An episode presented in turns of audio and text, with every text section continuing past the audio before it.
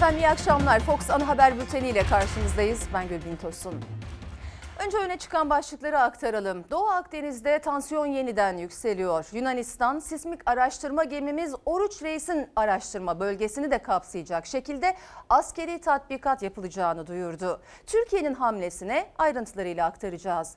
Değişmeyen gündem maddemiz koronavirüs. Yeni vaka sayısı ve ağır hasta sayısında artış devam ediyor. Bilim Kurulu üyesi Ateş Kara'nın önemli uyarıları var. Özellikle çocuklar ve maske kullanımları, virüse yakalananların bulaştırıcılığı hakkında. Peki yoğun bakımlarda doluluk oranı ile ilgili sıkıntı var mı? Yine uzmanların bu konudaki görüşlerini de aktaracağız. Esnafın, işsizin, emeklinin ekonomik tablosu muhalefetin gündeminde. Türkiye Esnaf ve Sanatkarlar Konfederasyonu da feryat etti adeta. Evet hepsi ve daha fazlası birazdan ama önce Giresun'daki sel ve can kayıplarımız diyoruz. Ne yazık ki Giresun'un ilçelerini vuran sel 8 cana mal oldu. La ilahe illallah. Merhum şehidimizin ruhu için, cümle şühedamızın ruhu için, ahirete irtihal etmiş cümle ehli imanın ruhu ve Allah rızası için. El Fatiha.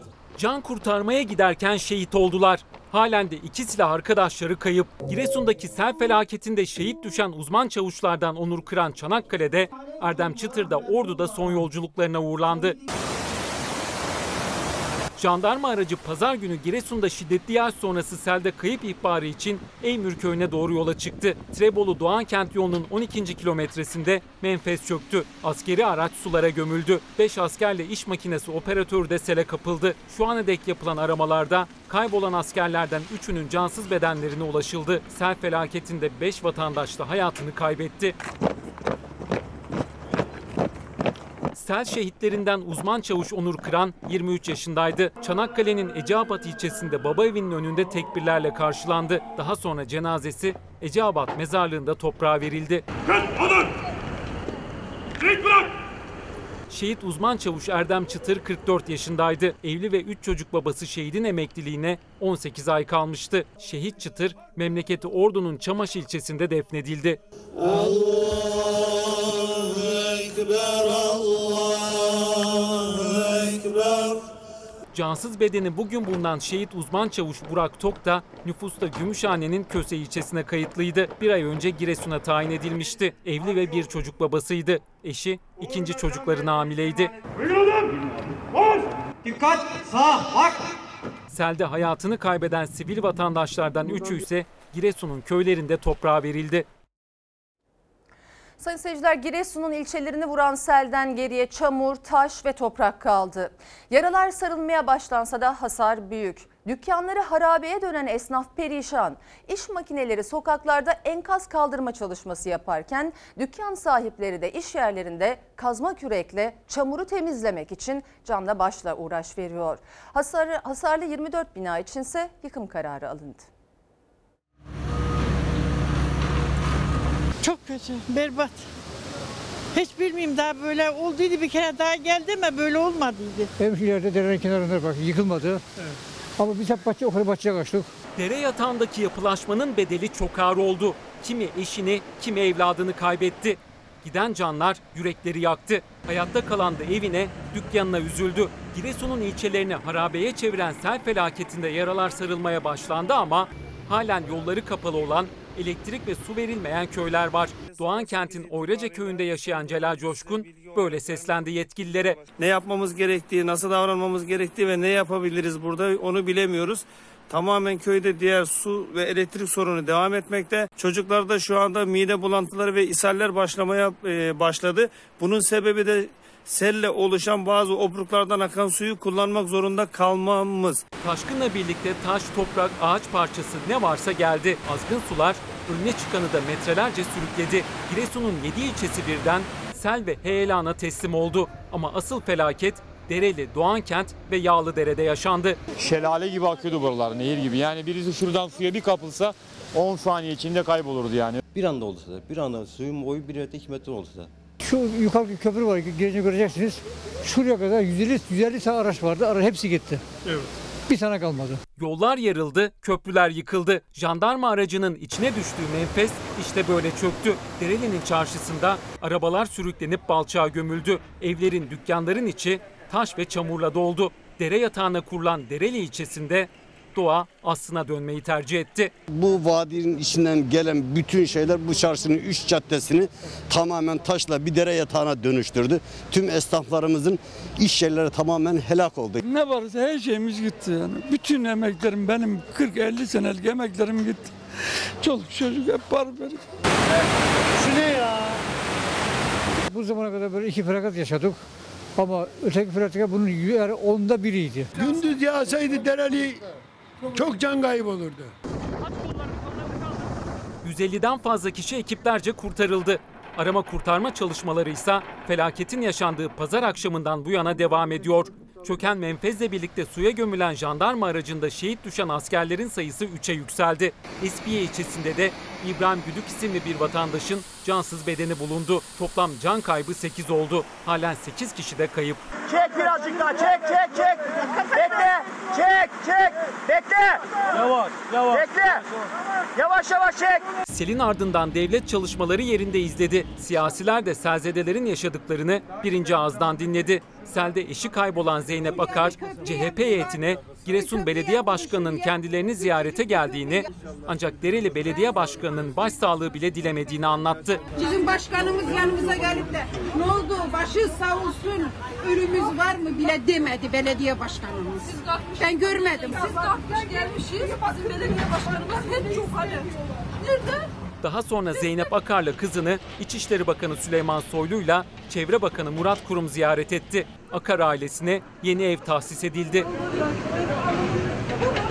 İş makineleri sokaklarda enkaz kaldırma çalışmaları yaparken esnaf da kazma kürekle dükkanlarındaki çamuru temizliğe girişti. Arka taraftan helen geldi. Ondan sonra kumlar hepsi dükkanın içinde. Malzemeler, motorları hepsini suyun içinden çıkarttık. Bakan Murat Kurum, 3 ilçede 17 binanın yıkıldığını, 361 binanın da hasar gördüğünü açıklamıştı. Ziyaret ettiği bazı hasarlı binalar için yıkım talimatı verdi. Yol açıldıktan sonra açıldıktan sonra da o alınabilecek eşyaları belediyemiz, bakanlığımız bizim yardımcı olacak.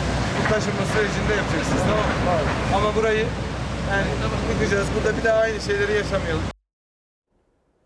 İktidar kanadı Giresun'da yaşanan felaket için derelere yapılan evlere gönderme yaptı. Vatandaşı işaret etti. Siyasette o binalar yapılırken siz neredeydiniz tepkisi yükseldi. İmar afları yapılırken dere yataklarındaki evler görülmedi mi sorusu soruldu. Sadece Giresun dereleri üzerinde kurulan 30'un üzerindeki HES'ler de ayrı bir tartışma başlattı.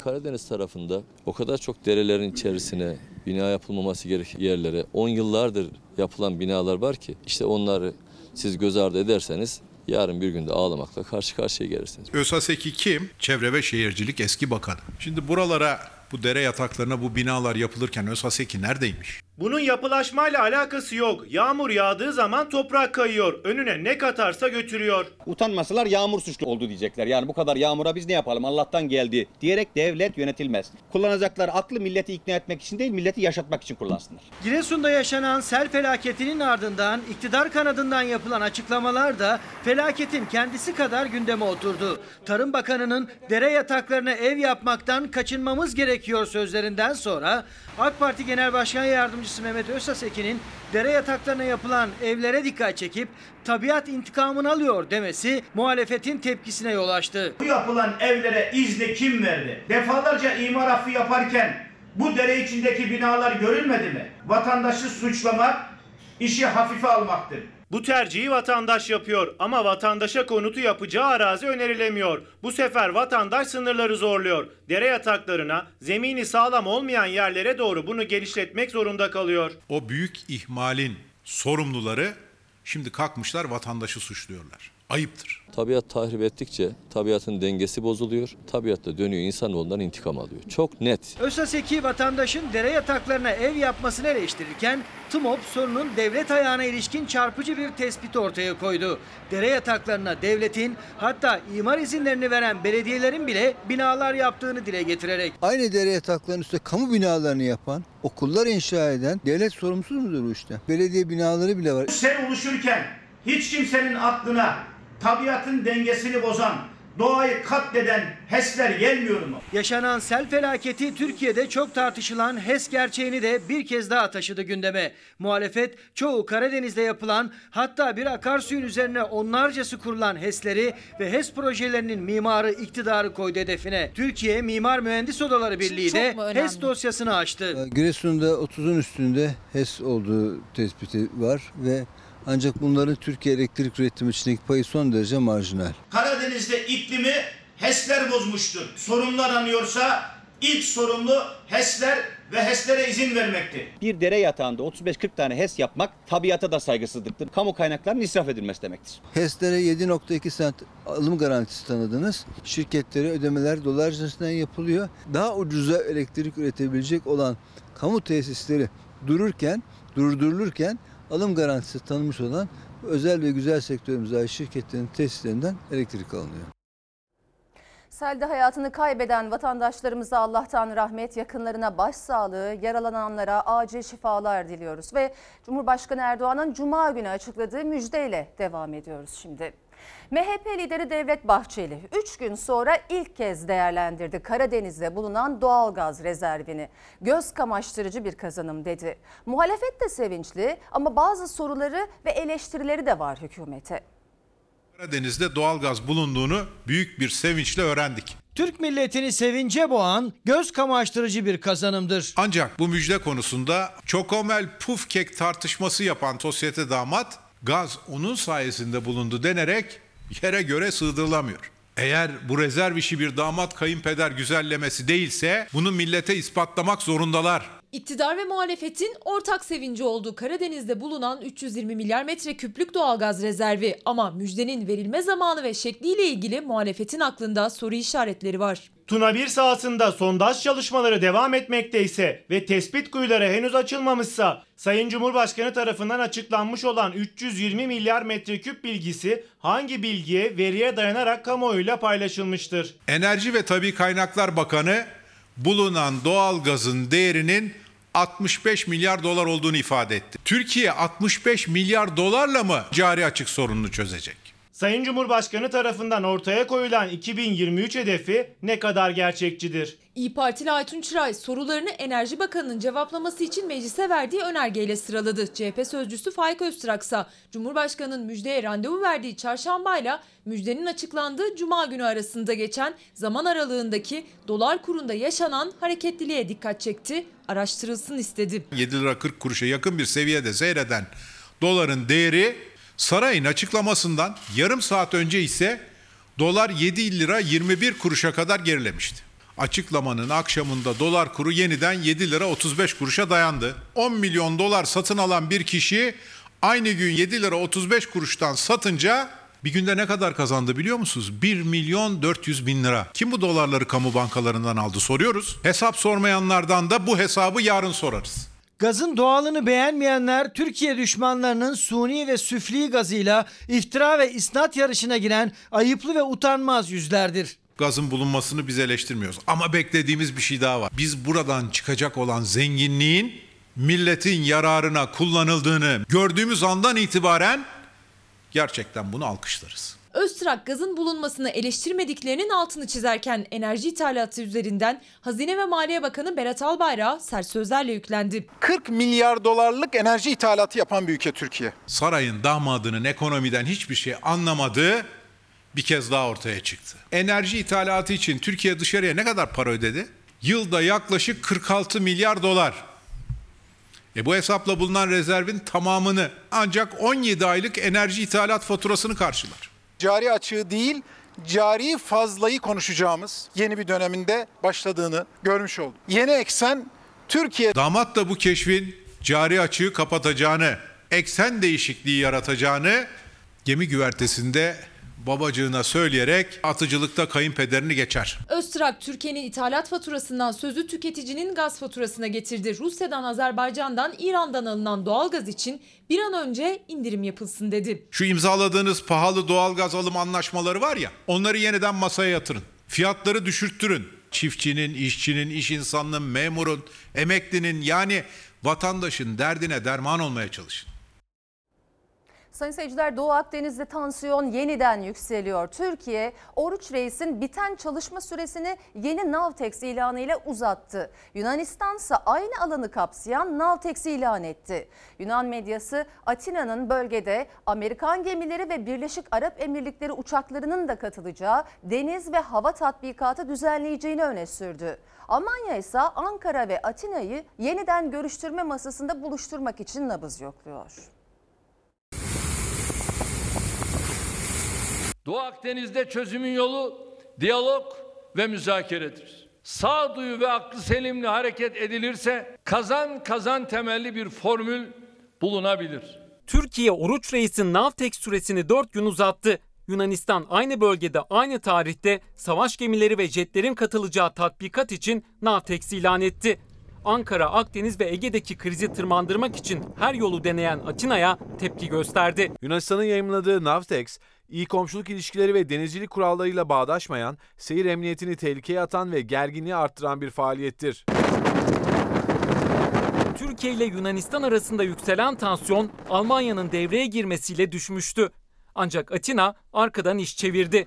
Mısır yönetimiyle deniz yetki alanlarının sınırlandırılması anlaşması imzaladı. Türkiye bu adıma bölgede 23 Ağustos'a kadar Navtex ilan ederek yanıt verdi. Sismik araştırma gemisi Oruç Reis'i savaş gemileri refakatinde bölgeye gönderdi. Enerji kaynakları araştırması başlattı. Araştırma için belirlenen süre dün biterken Türkiye Doğu Akdeniz'de haklarından taviz vermemekteki kararlılığını bir kez daha gösterdi. Doğu Akdeniz'de hidrokarbon arayan Oruç Reis için yeni Navtex ilan etti.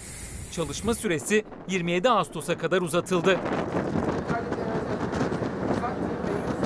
Yunan hükümeti bu karara tepki gösterdi. Daha önce yaptığı gibi karşı Navtex açıkladı. Oruç Reis'in araştırma bölgesinde kapsayacak şekilde askeri tatbikat yapılacağını duyurdu. Ülkemizin bu çağrısına kulaklarını kapatanlar, güçlerinin yetmeyeceği, boylarını aşan bir takım girişimlerle kendi geleceklerini kendi elleriyle karartıyorlar. Milli Savunma Bakanı Hulusi Akar, Yunan hükümetinin tatbikat kararını eleştirdi. Türk Silahlı Kuvvetleri Komuta Kademesi ile birlikte video telekonferans yöntemiyle birlik komutanlarına seslenen Akar, Atina'yı gerilimi tırmandırmakla suçladı. Ankara'nın haklarını korumakta kararlı olduğunu vurguladı. Atina'ya gözdağı verdi. Deniz kuvvetlerimiz Ege, Akdeniz ve Karadeniz'de faaliyetlerini yoğun bir şekilde sürdürüyor. Faaliyetlerimizde haklıyız. Onun için de kararlı ve azimliyiz. Bize verilen görevi bugüne kadar en iyi şekilde yaptık. Bundan sonra da yapmaya devam edeceğiz. Yunanistan'ın tatbikatı yarın sabah başlayacak.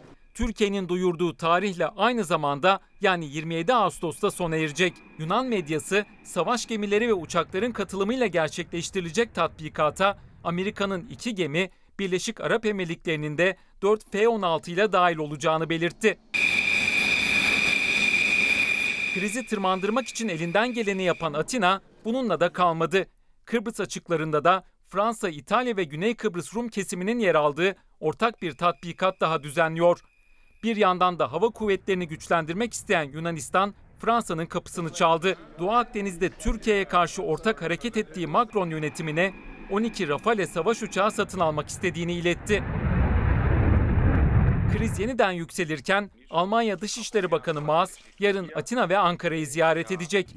İki ülke arasındaki görüşmelerin yeniden başlaması için nabız yoklayacak. Türkiye Almanya'nın arabuluculuğuna sıcak baksa da Yunan hükümeti müzakereler için Oruç Reis'in arama çalışmalarını durdurmasını ve limana çekilmesini şart koşuyor. Haberle ilgili bir son dakika gelişmesi var aktaralım. Doğu Akdeniz'de yükselen tansiyonda Yunanistan'ın Naltex ilanına Türkiye'den yanıt geldi. Türk Deniz Kuvvetleri'nin yarın Girit'in güneyinde savaş gemileriyle tatbikat yapacağı açıklandı. Bu arada iki ülke arasında tansiyonu düşürmek için İngiltere de devreye girdi. İngiliz Savunma Bakanı Wallace Yunan mevkidaşıyla telefonda görüştü. Wallace'ın Milli Savunma Bakanı Hulusi Akar'la da görüşeceği açıklandı. Ve Libya ile devam ediyoruz. Türkiye'nin deniz yetki alanlarının sınırlandırılması anlaşması imzaladığı Libya'da silahlar sustu. Birleşmiş Milletler'in tanıdığı Ulusal Mutabakat Hükümeti ve isyancı Tobruk Temsilciler Meclisi ateşkeste uzlaştı. Bölgede Türkiye karşıtlığına soyunan Fransa, Ankara'nın desteklediği Libya Başbakanı Sarıcı Paris'e davet etti.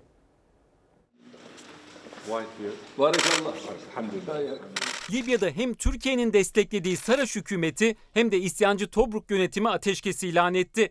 Başkent Trablus ve Misrata'daki halk hükümet karşıtı gösteri düzenledi. Ağırlaşan yaşam şartlarını protesto eden göstericilere ateş açıldı, büyük panik yaşandı. Türkiye'nin Akdeniz'de deniz yetki alanlarının sınırlandırılması anlaşması imzaladığı Libya'da önemli gelişmeler yaşanıyor. Birleşmiş Milletler'in tanıdığı Ulusal Mutabakat Hükümeti lideri Saraç, geçtiğimiz cuma günü çok önemli bir çağrı yaptı. Ülke genelinde ateşkes istedi. Kendisine bağlı güçlere askeri operasyonların durdurulması talimatı verdi. Ankara'nın desteklediği Başbakan Seraj'ın çağrısına isyancı Tobruk yönetimi lideri Akile Salih'ten olumlu yanıt geldi. Saraj, kalıcı ateşkes içinse Sirte ve Cufra'nın silahtan arındırılmış bölgeler olması gerektiğini açıkladı. Ateşkes ilanının ardından Fransa ve Birleşik Arap Emirlikleri'nin desteklediği isyancı General Hafter'in sözcüsü Mismari konuştu. Haddini aşıp Türkiye'yi suçladı. Ateşkesin aldatmacı olduğunu, Ulusal Mutabakat Hükümeti güçlerinin Türkiye desteğinde Sirte'ye saldıracağını iddia etti. Macron, Macron yönetimi Libya'da sürpriz bir adım daha attı. Bugüne kadar Hafter'e her türlü yardımı yapan Fransa, Libya Başbakanı Saraj'ı Paris'e davet etti. Saraj'ın davete olumlu yanıt verdiği açıklandı. Trablus ve Misrata'da ise hükümet karşıtı gösteriler vardı. Halk elektrik ve su kesintileri, kötü ekonomik koşullar ve devlet kurumlarındaki yolsuzluğa tepki için sokağa çıktı. Başkent Trablus'taki gösterilerde kalabalığa ateş açıldı. Hükümet ateş açanların güvenlik güçleri arasına dışarıdan sızdırılmış kişiler olduğunu açıkladı. İçişleri Bakanlığı 30 Ağustos tören ve kutlamalarına kısıtlama getirdi. Muhalefet tepkili. CHP ve İyi Parti pandemi gerekçesine soru işaretiyle yaklaştı. Yüz binlerin katılımıyla yapılan Ayasofya açılışı, milyonlarca öğrencinin girdiği sınavlar ve yine bu hafta içinde yapılacak Malazgirt anmasını hatırlattı. CHP pandemide ikinci dalga mı başladı yoksa sarayın milli bayramımızda yakalandığı alerji mi depreşti diye sordu. Pandemide ikinci dalga mı başladı? Yoksa sarayın her milli bayramımızda yakalandığı alerji mi depreşti? 365 günü vardır Allah'ın. Bu 365 günün 5 gününe özel ihtimam gösterilmesi lazım. Devlet yöneticilerimizin buna özen göstermesi lazım. Hangi günlere önem göstersinler?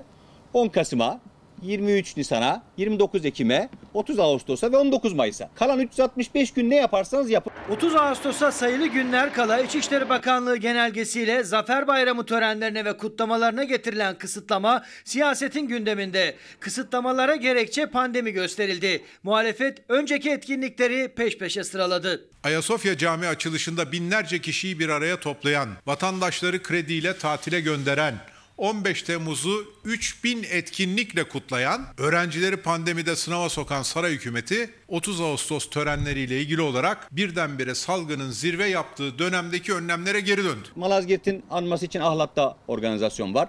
15 Temmuz'da temsilen Sayın Cumhurbaşkanı da katıldı. Ayasofya'da bir coşku vardı. Bir insan seli o kontrolsüzlük içerisinde Ayasofya'ya aktı. Bir dünya insan virüs bulaşması nedeniyle tedavi hizmetleri almaya başladı. Milletvekili arkadaşlarımız bile oldu. Devlet hangi faaliyetleri iptal ediyor, hangi faaliyetleri tercih ediyor da virüsle mücadeledeki ciddiyetini ve kararlılığını ortaya koyuyor. Salgının yayılmasını önlemek için gerekli her tedbir alınmalı. Buna biz de katılıyoruz. Ancak bu tabloda bir dengesizlik var. İçişleri Bakanlığı 81 ilin valilerine genelge gönderdi. Geniş katılımlı 30 Ağustos Zafer Bayramı kutlama etkinliklerine kısıtlama getirildi.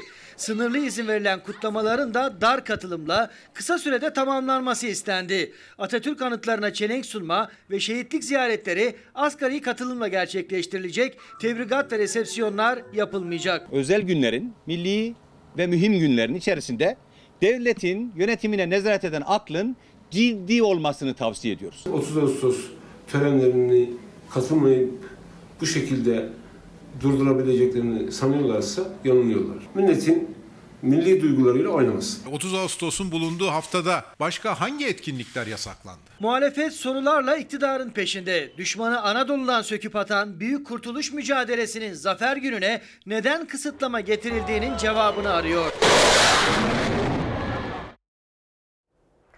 Koronavirüsün yayılmasının nedenlerinden başı düğünler, düzenlenen kalabalık eğlenceler, asker uğurlamaları ve taziyeler.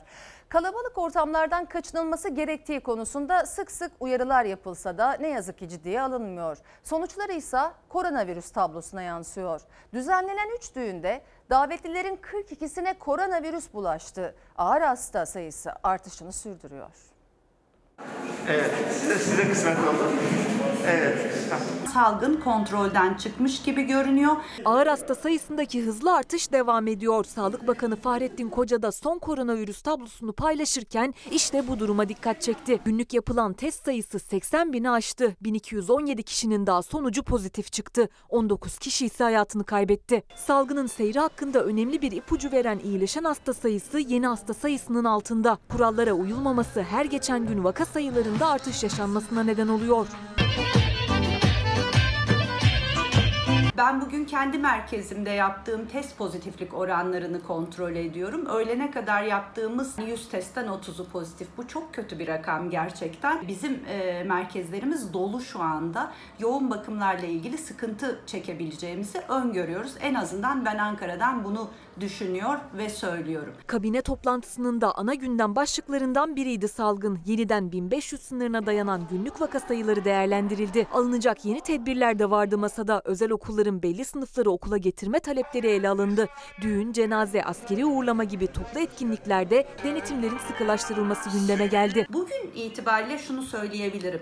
En çok pozitifleşme verisiyle gelen vakalar düğünler, cenaze nedeniyle toplu, kalabalık, e, kapalı yerlerde yemek yemeler arasından oluyor. Bunları bir an önce durdurmalıyız. Tedbirlerin arttırılmasına neden olansa işte bu görüntüler. Vaka sayılarında en fazla artışın yaşandığı illerin başında gelen Diyarbakır'da onlarca kişi kuralları içe saydı. Maskesiz bir araya gelerek halay çektiler. Aynı manzara Kahramanmaraş, Afşin'de de vardı. Geçtiğimiz günlerde 3 ayrı düğünde benzer görüntülerin kaydedildiği Bursa'da ise düğünlere katılan 42 kişinin koronavirüs testi pozitif çıktı. Temaslı 150 kişi ise takip altında. Eğer bende virüs varsa, şikayetim ve semptomum başladıysa ondan 48 saat öncesinde ben virüs bulaştırmaya başlıyorum. Yani testimin ne zaman pozitif olduğu önemli değil. Bodrum Göltürkbükü'nde ünlü bir işletmede çıkan bu kavganın nedeni ise maske ve mesafe. İddiaya göre sahilde oturan iki kişi maske ve mesafe kuralına uymayınca bir başka müşteri tarafından uyarıldı. Çıkan tartışma yumruklu kavgaya dönüştü. Koronavirüsten korunmanın tek yolu maske, mesafe ve temizlik kuralına uymak. Ancak uzmanlar 2 yaş altındaki çocuklara maske takılmaması konusunda anne babaları uyarıyor. 2 yaşına kadar olan çocuklar asla ve asla maske takmamaları. Ağız ve burun nefes alıp verme sistemi tam gelişmemiştir. Bu aynı zamanda ağız ve burnun da önünü kapatan bir nesne olduğu için küçük bebeklerde nefes almanın durmasına neden olabiliyor. Yüz koruyucu şeklinde veya bebek arabalarında pusetlerinde olduğu gibi önlerindeki o örtüyle korunacak şekilde e, hareket etmelerinin daha doğru olduğunu söylüyoruz. Dünya Covid-19'a karşı geliştirilecek aşıyı beklerken Dünya Sağlık Örgütü'nden heyecanlandıran açıklama geldi. Bazı aşıların klinik denemelerin son aşamasında olduğu belirtildi. 2021 yılı sonuna kadar en az 2 milyar doz aşıyı ülkelere ulaştırmanın hedeflendiği açıklandı. Dünya Sağlık Örgütü Covid-19 aşısında müjdeyi verdi. Tünelin sonunda ışık göründü dedi. Covid-19 salgınında gözler hastalığı bitirecek aşıda. Salgına karşı aşı geliştirdiğini açıklayan ilk ülke Rusya. Moskova yıl sonuna kadar ayda 2 milyon doz aşı üretmeyi, ardından bunu 6 milyon doza çıkarmayı planlıyor.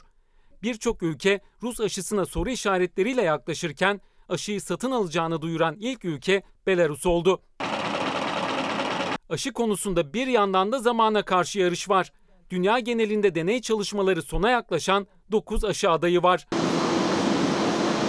Dünya Sağlık Örgütü direktörü ilk hedefin geliştirilecek aşının eşit ve adil dağıtımını güvence altına almak olduğunu söyledi. Bunun için kurulan ortak mücadele platformuna 172 ülkenin katıldığını, amacın 2021 yılı sonuna kadar en az 2 milyar doz güvenli ve etkili aşı sağlamak olduğunu belirtti. Amerika, Rusya ve Çin'in bu mekanizmaya dahil olup olmadığı konusunda bilgi vermedi. Aşıyı sabırsızlıkla bekleyenlerden biri de Amerika Başkanı Trump. Covid-19 sürecini kötü yönetmekle suçlanan Trump, aşıyı Kasım ayındaki seçimlerde koz olarak kullanmanın peşinde. Trump bu amaçla Oxford Üniversitesi'nin üzerinde çalıştığı ve deney aşamasında olan aşının peşine düştü. İngiliz gazetesi Financial Times, Başkan Trump'ın Amerika Gıda ve İlaç Dairesi FDA'nın acil kullanım yetkisi vermesini istediğini, bunun için baskı yaptığını yazdı. Dünyayı saran ve önü alınamayan salgında bugüne kadar 23 milyon 650 bine yakın kişide virüs tespit edildi.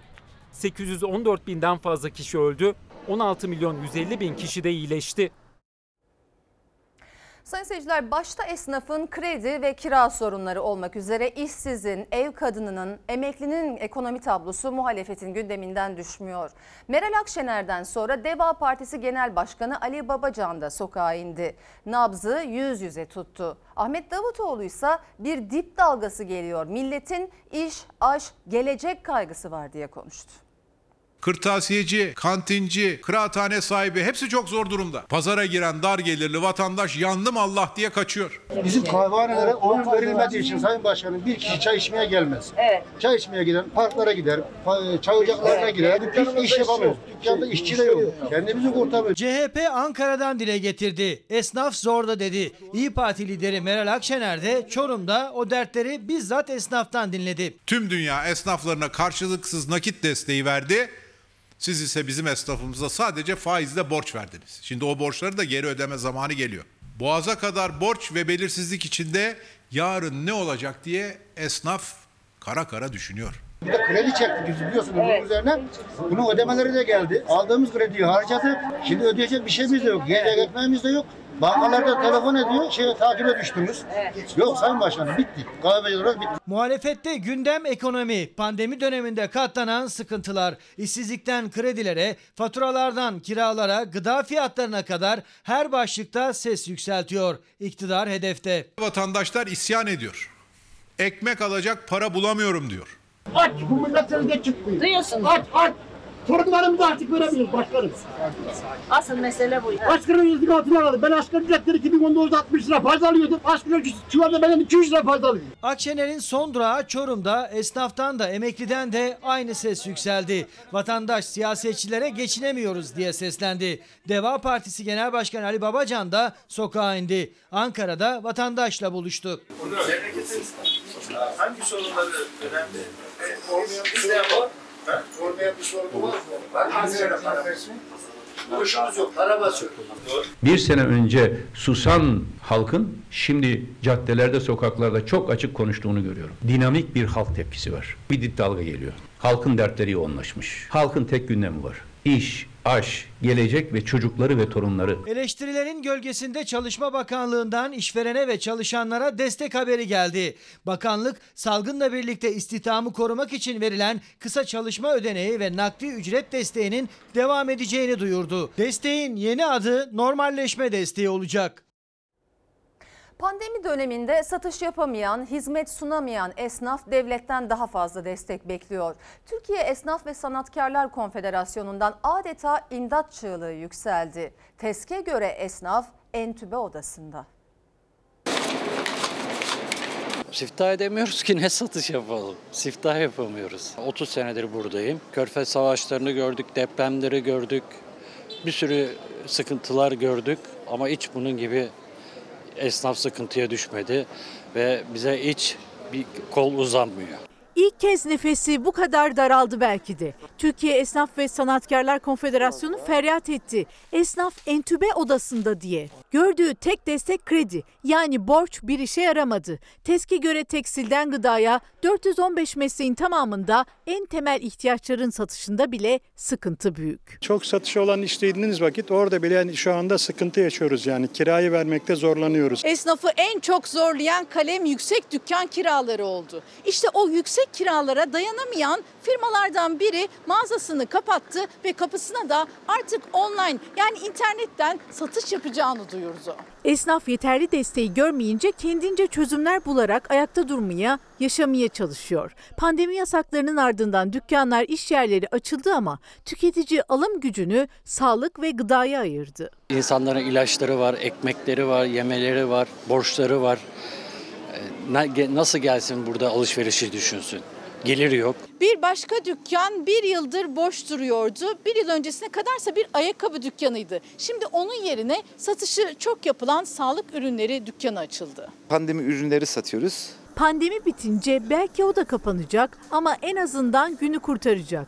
TES Genel Başkanı Bendevi Palandöken'e göre esnaf nefes alamıyor. Gün geçtikçe yük daha ağırlaştı. Dün entübe odasındaydık, bugün ölüyoruz diye feryat ediyoruz. İnsanlar aç olduğu sürece, iş yapamadığı sürece, kurallar uygulanmadığı sürece mecburen öyle. Mal sahipleri, ev sahipleri bu arada biraz daha bize tolerans ta- tanıdılar.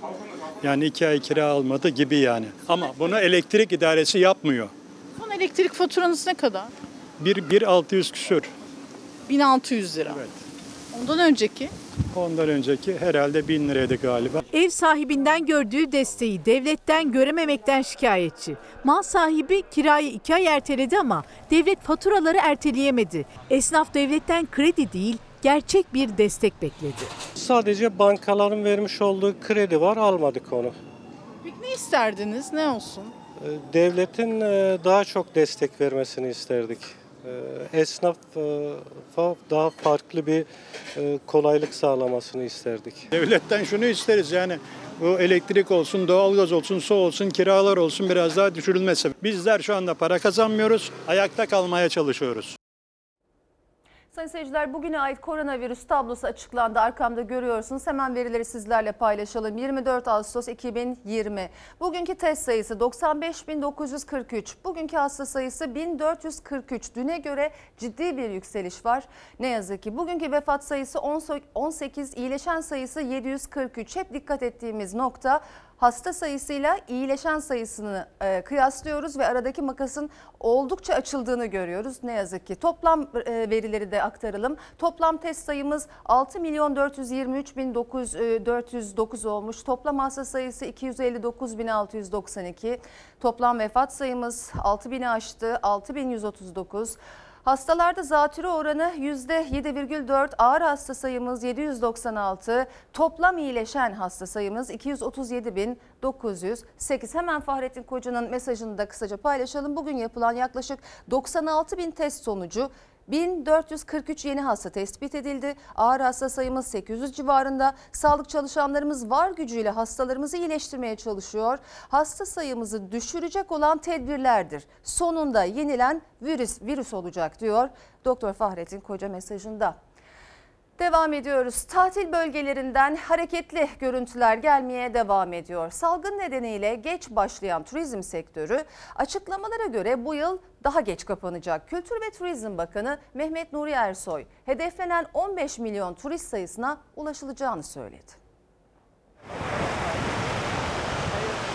Eğer hava trafiğinde olumsuz bir hareketlenme olmazsa ki şu ana kadar olmadı, olumlu şekilde hareketlenmeye devam ediyor.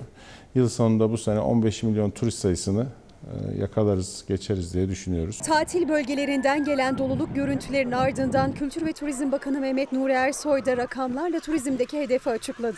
Salgın nedeniyle sezonun geç açılmasına rağmen 6 milyon turist sayısı şimdiden geçildi. Sezon sonuna kadar bu sayı 15 milyonu bulacak ki sezonun da geç kapatılacağını duyurdu Turizm Bakanı. Sezonun da uzayacağı, kayacağı gö- gözüküyor. Yani sezon biraz geç başladı ama daha da geç bitecek gibi gözüküyor. Rezervasyonlar ve hareketlilik de onu gösteriyor.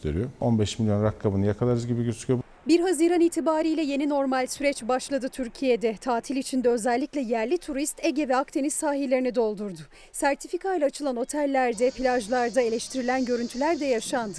Ancak Kültür ve Turizm Bakanı NTV'de katıldığı programda iddia edildiği gibi %50 kapasite şartının olmadığını söyledi. %50 doluluk oranı diye bir şey olmadı. Bir konuşma geçti yani birileri tarafından. Bu sanki bir alınmış bir kararmış gibi de yayıldı maalesef. Ana kriterimiz sosyal mesafe. Masalardaki bir buçuk metre, sandalyeler arasındaki bir buçuk metre veya yan yana da 60 santim. Yani otelin eğer sosyal mekanları gerekli büyüklüğe sahipse biz ona %50 mecburiyeti getirmiyoruz. Ha kimi otel var bunu %80 dolulukla karşılayabilir. Kimi otel var %50 ile karşıla, karşılayabilir. Sadece yerli turist değil yurt dışından belirli ülkelerle hava sahası da açıldı. Yabancı turistlerin de tercihi Türkiye oldu.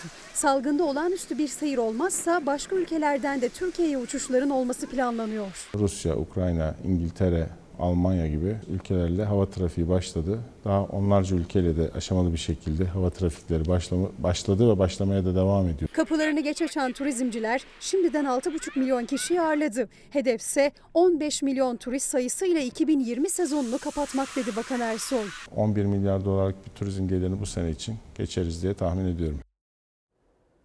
Uzmanlar evde uzaktan eğitim alan çocuklar için sağlık uyarısında bulundu. Uzun süre bilgisayar başında ekran karşısında olmak ciddi sağlık problemleri yaratabilir.